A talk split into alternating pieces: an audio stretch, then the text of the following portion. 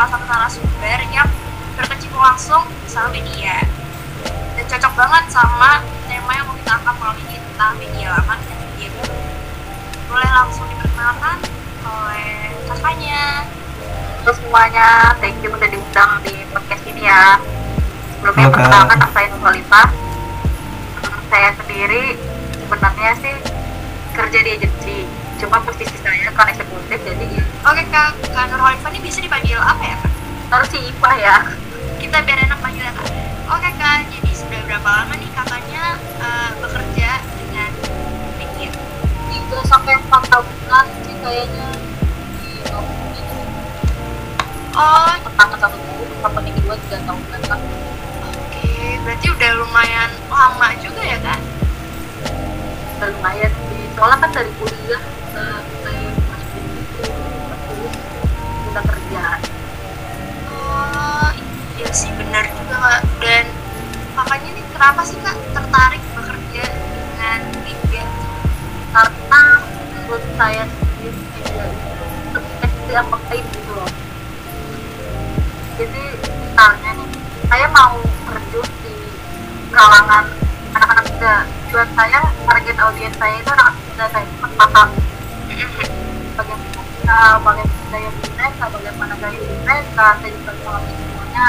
Misalkan saya terjun di kalangan orang-orang dengan santai di luar paham hidup mereka seperti apa dalam banyak apa jadi saya menurut saya dengan media saya lebih paham bagaimana karakter yang tergolong dari umum dari pekerjaan dari geografisnya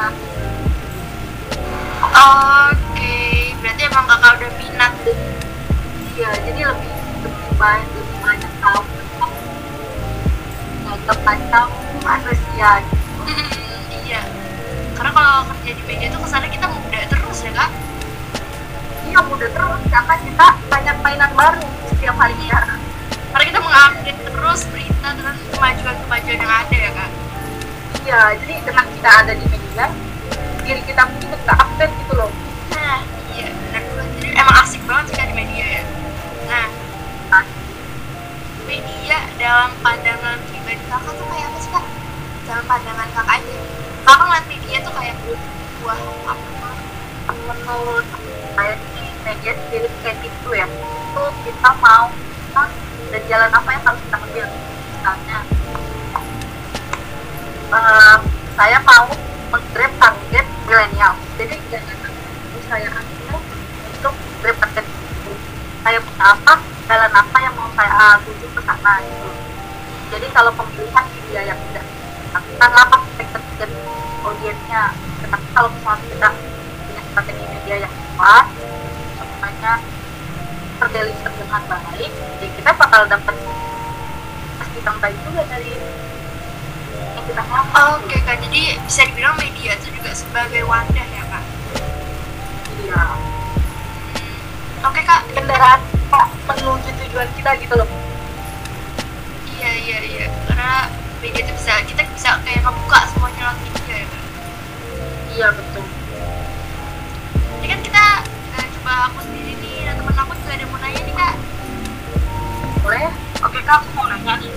Yang membuat kakak ya yang membuat media lama sama media baru perbedaan itu apa? kalau kakak sih media sama media lama sama media baru itu kemudahannya ya karena kan manusia sekarang itu semuanya pengen cepat betul semuanya pengen mudah semuanya pengen ngomong jadi kan kalau media lama itu eh, kita harus beli koran dulu misalnya nih kita harus beli koran kalau media baru itu kita tinggal buka handphone cari baca apa kita udah tahu kita cari ketik gitu gitu nanti yang mana-mana gitu loh. Enggak ya? Kalau konten kan ada ya. Jadi sebenarnya media baru itu mempermudah akses orang mengetahui informasi sama lebih lebih murah. Kalau misalkan nih kita mau kita ngomongin media lama ya media cetak informasi berita segala macam kan media lama itu dari majalah atau dari koran kan? Iya media cetak kita harus beli yang kan misalkan harganya 5000 kita cuma bisa sebatas membaca beberapa lembar koran. Sedangkan kalau kita beli kuota internet mari kita beberapa IP kita bisa baca baca berita di situ gitu loh. Yang lebih banyak didapat dibandingin media lama. Aku mau tanya juga nih menurut kakak ya media lama terpaan datangnya media baru. Kalau dari sisi komersil ya sekarang dari agensi sendiri kan ya. Berhadapan langsung dengan para pemegang brand. Mereka tuh mereka sendiri itu sebenarnya masih sekitar 70% itu tertarik.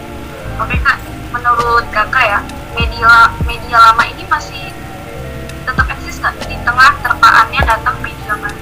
14 mungkin lumayan kelihatan ya 2014 sampai sekarang saya televisi itu masih menjadi pilihan utama para pemegang brand untuk memasarkan produknya menurut saya ya dari sisi komersil.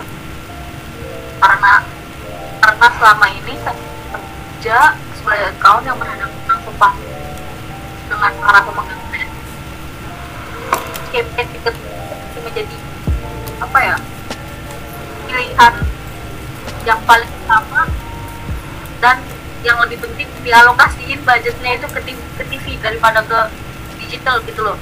Misalkan mereka punya budget tahun ini 3M untuk campaign mereka bisa alokasiin 2M untuk televisi paling 500 juta. Media kalau bukan kecuali sama koran sama majalah ya udah banyak galin Oke kak, masih ada satu lagi nih teman kita yang dari tadi diem aja, satu-satunya cowok, dia belum nanya, dia mau nanya kak. ya ya siapa nih cowok satu-satunya? Oke kak, aku mau nanya nih. Lebih nyaman media baru atau media lama? masalah nyaman ya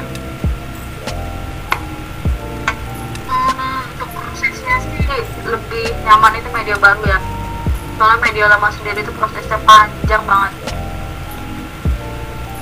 Melewati beberapa proses yang berbelit-belit sebenarnya media baru itu selain efektif buat kita selain tidak terbatas dengan jarak dan waktu media baru juga memotong pekerjaan pekerjaan memotong step pekerjaan dari media lama misalkan step dari pembuatan materi komunikasi ke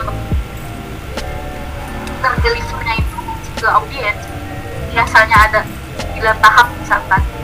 Kalau menggunakan media itu paling ada Oke, berarti kakak lebih memilih media lama ya, karena kalau media lama juga orang-orang yang dulu-dulu bisa punya penghasilan seperti itu kayak.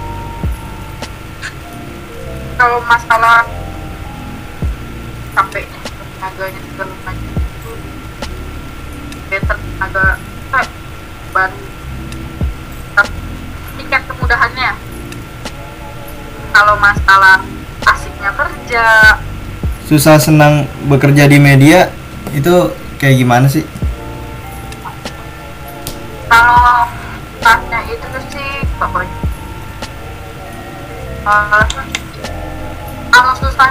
Analisis sih sebenarnya. Jadi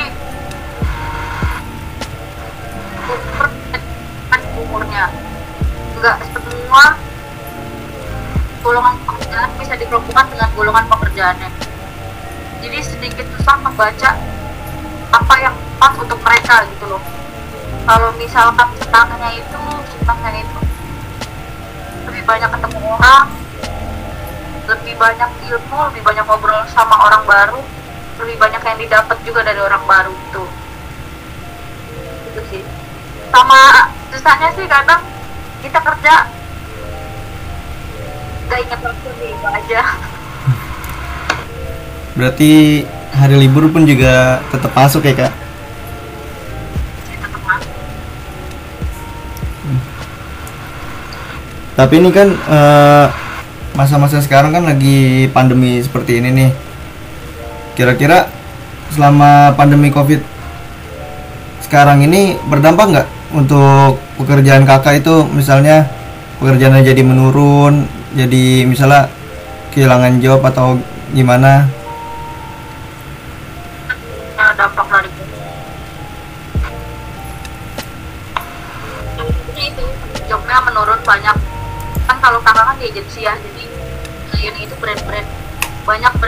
nggak jadi campaign. Padahal bulan ini nggak jadi campaign berarti nggak ada kerjaan kan jadi gitu banyak yang full budget tahun ini bulan tahun depan. Benar menurut menurut tahun agensi itu kita terseok-seok sih supaya tetap tahan gitu loh.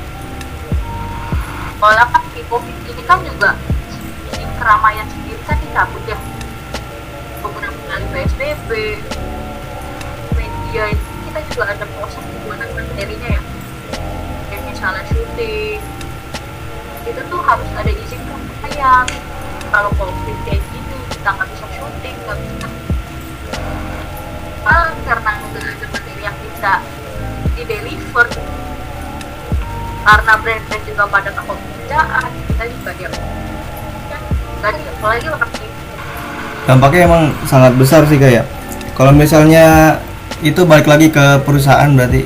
Kalau misalnya tadi kan banyak yang ke pending atau mungkin nggak jadi itu berdampak nggak sih buat kayak karyawan itu kayak pengurang gaji atau mungkin malah lebih parahnya atau PHK atau teman-temannya ada yang eh, keluar gitu misalnya tidak diperpanjang? Ada ada beberapa agensi teman-teman kakak sih yang perusahaan itu karena karena pandemi kali nggak ada kerjaan terus op- terus overhead masih tetap tinggi itu tutup setelah itu tutup yang itu pengurangan karyawan tuh. Kayak 50 persen tetap sebelumnya itu yang pengurangan karyawan itu adalah agensi Jepang di Indonesia. Dari Jepang tetap lah kalau misalnya tadi kan masalah PSBB kalau misalnya sekarang berarti kan kalau keluar harus perlu izin.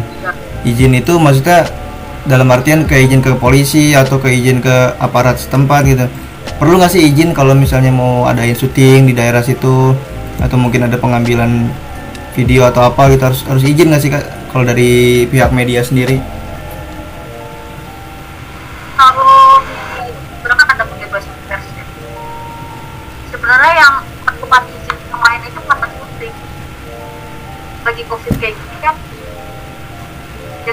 kayak segala macam. Syuting itu ada alam ada ada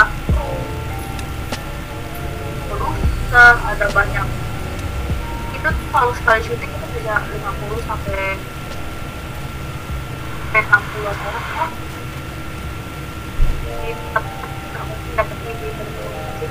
dapat kalau pas lagi PSBB ya. Kecuali kita ngumpet-ngumpet waktu itu pernah sih saking gadoknya terus tiba-tiba ada juri udah ini kan syuting pas ngumpet-ngumpet di studio semua mobil syuting tuh dimasukin ke dalam studio supaya nggak ketahuan. Kak, aku mau tanya. Tadi kan kakak bilang ada kesulitan untuk analisis ya?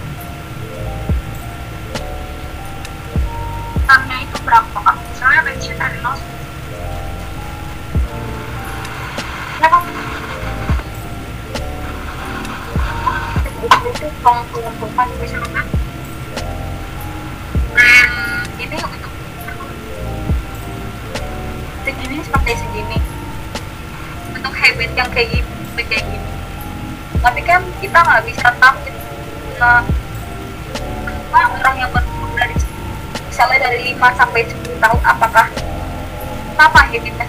seperti itu gitu loh. Jadi kayak tingkat keakuratan itu masih agak takut masih ada kekhawatiran tanya mereka gitu.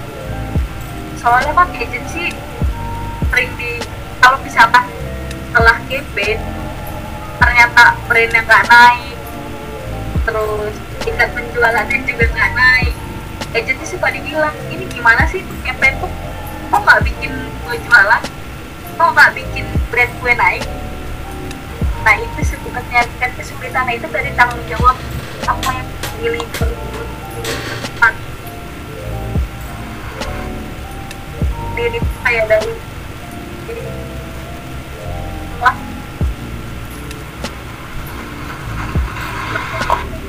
Oke nih kak, tadi kan udah bahas yang pandemi eh, untuk media.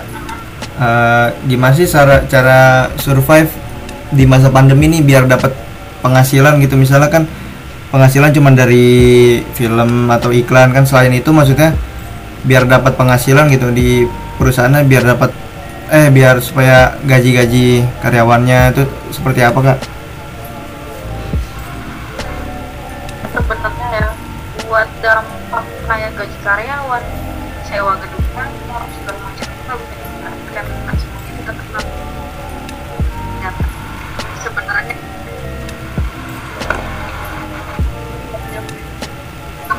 memperlakukan WFA jadi kadang namanya digaji. Hmm, hmm, hari kerja gitu.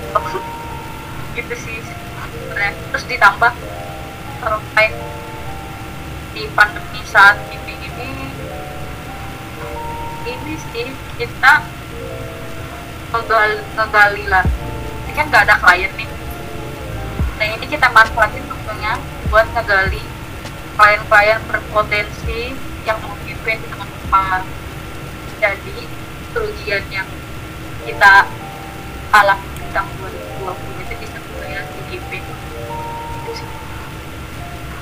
lebih banyak belajar di ini jadi lebih banyak membuat ngobrol lebih banyak waktu buat brainstorming lebih banyak untuk strategi tahun 2021 karena kan pandemi ini kan kita nggak bisa perkirakan ya Ya. jadi gitu sih sebenarnya. sekarang sekarang ini ya Oke, baik kak. Ada lagi nggak? Kembali ke masalah topiknya. Gitu loh. Kalau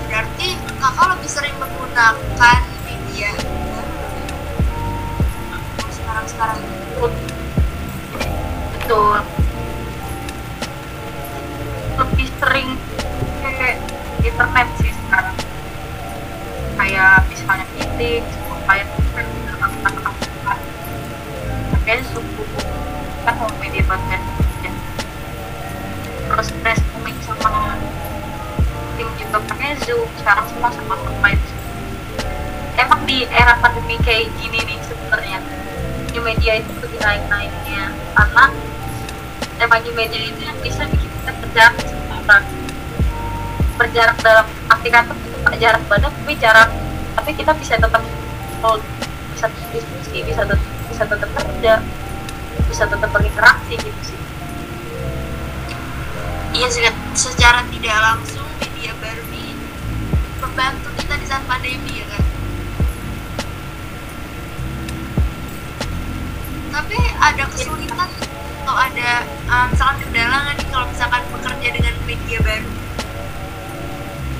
Sebenarnya kan kayak agensi ya. Terus yang account. Karena accountnya itu kan yang terima berita klien lagi terima brief terus tiba-tiba klien lagi nggak lagi kita ngasihnya kita jelek kan kita juga terimanya nggak enak. Terimanya salah kalau dari kita terimanya salah kita bakal nyampe kreatif kita salah dan yang dihasilkan oleh tim kita salah gitu jadi kemungkinannya kecil buat biji lebih ke miskomunikasi aja sih. Iya. terkait karena terkait sinyal. Iya nggak bener banget ya kayak kita sekarang. Jadi bisa buat ngobrolan ketemu langsung gitu kak. Iya jadi nah, kalau sinyal bagus kita terimanya bagus. Tapi kalau sinyal jelek kayak gitu iya itu emang salah satu jadi kendala. Guys kendala semua orang sih kan. Pas pandemi ini dan terpaksa untuk kerja di rumah atau sekolah dari rumah kuliah dari rumah tetap ya sinyal. Iya ny- nyawanya orang-orang waktu pandemi itu sinyal sebenarnya. Bener banget.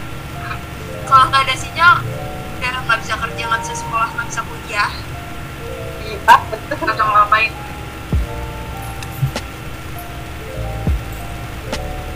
Closing aja kali ya deh kan satu lagi belum? Tanya iya ya maksud gue itu kan. Iya.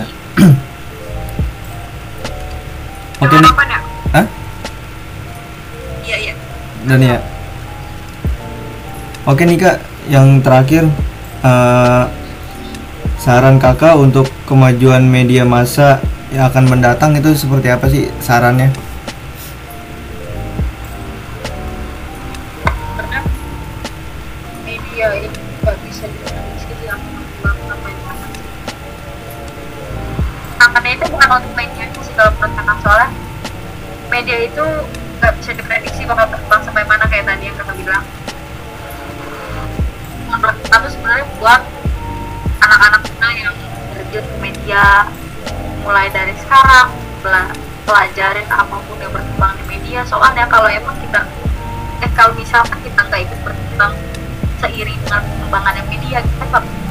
kita nggak kita bakalan susah belajar. Kita bakalan susah buat media marketnya media ini.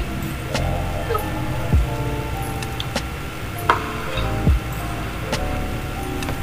oke gitu aja ya kak ya sarannya bukan buat medianya nanti tapi buat yang di medianya di masa mendatang. Oke siap siap. Udah? Closing ya berarti ya.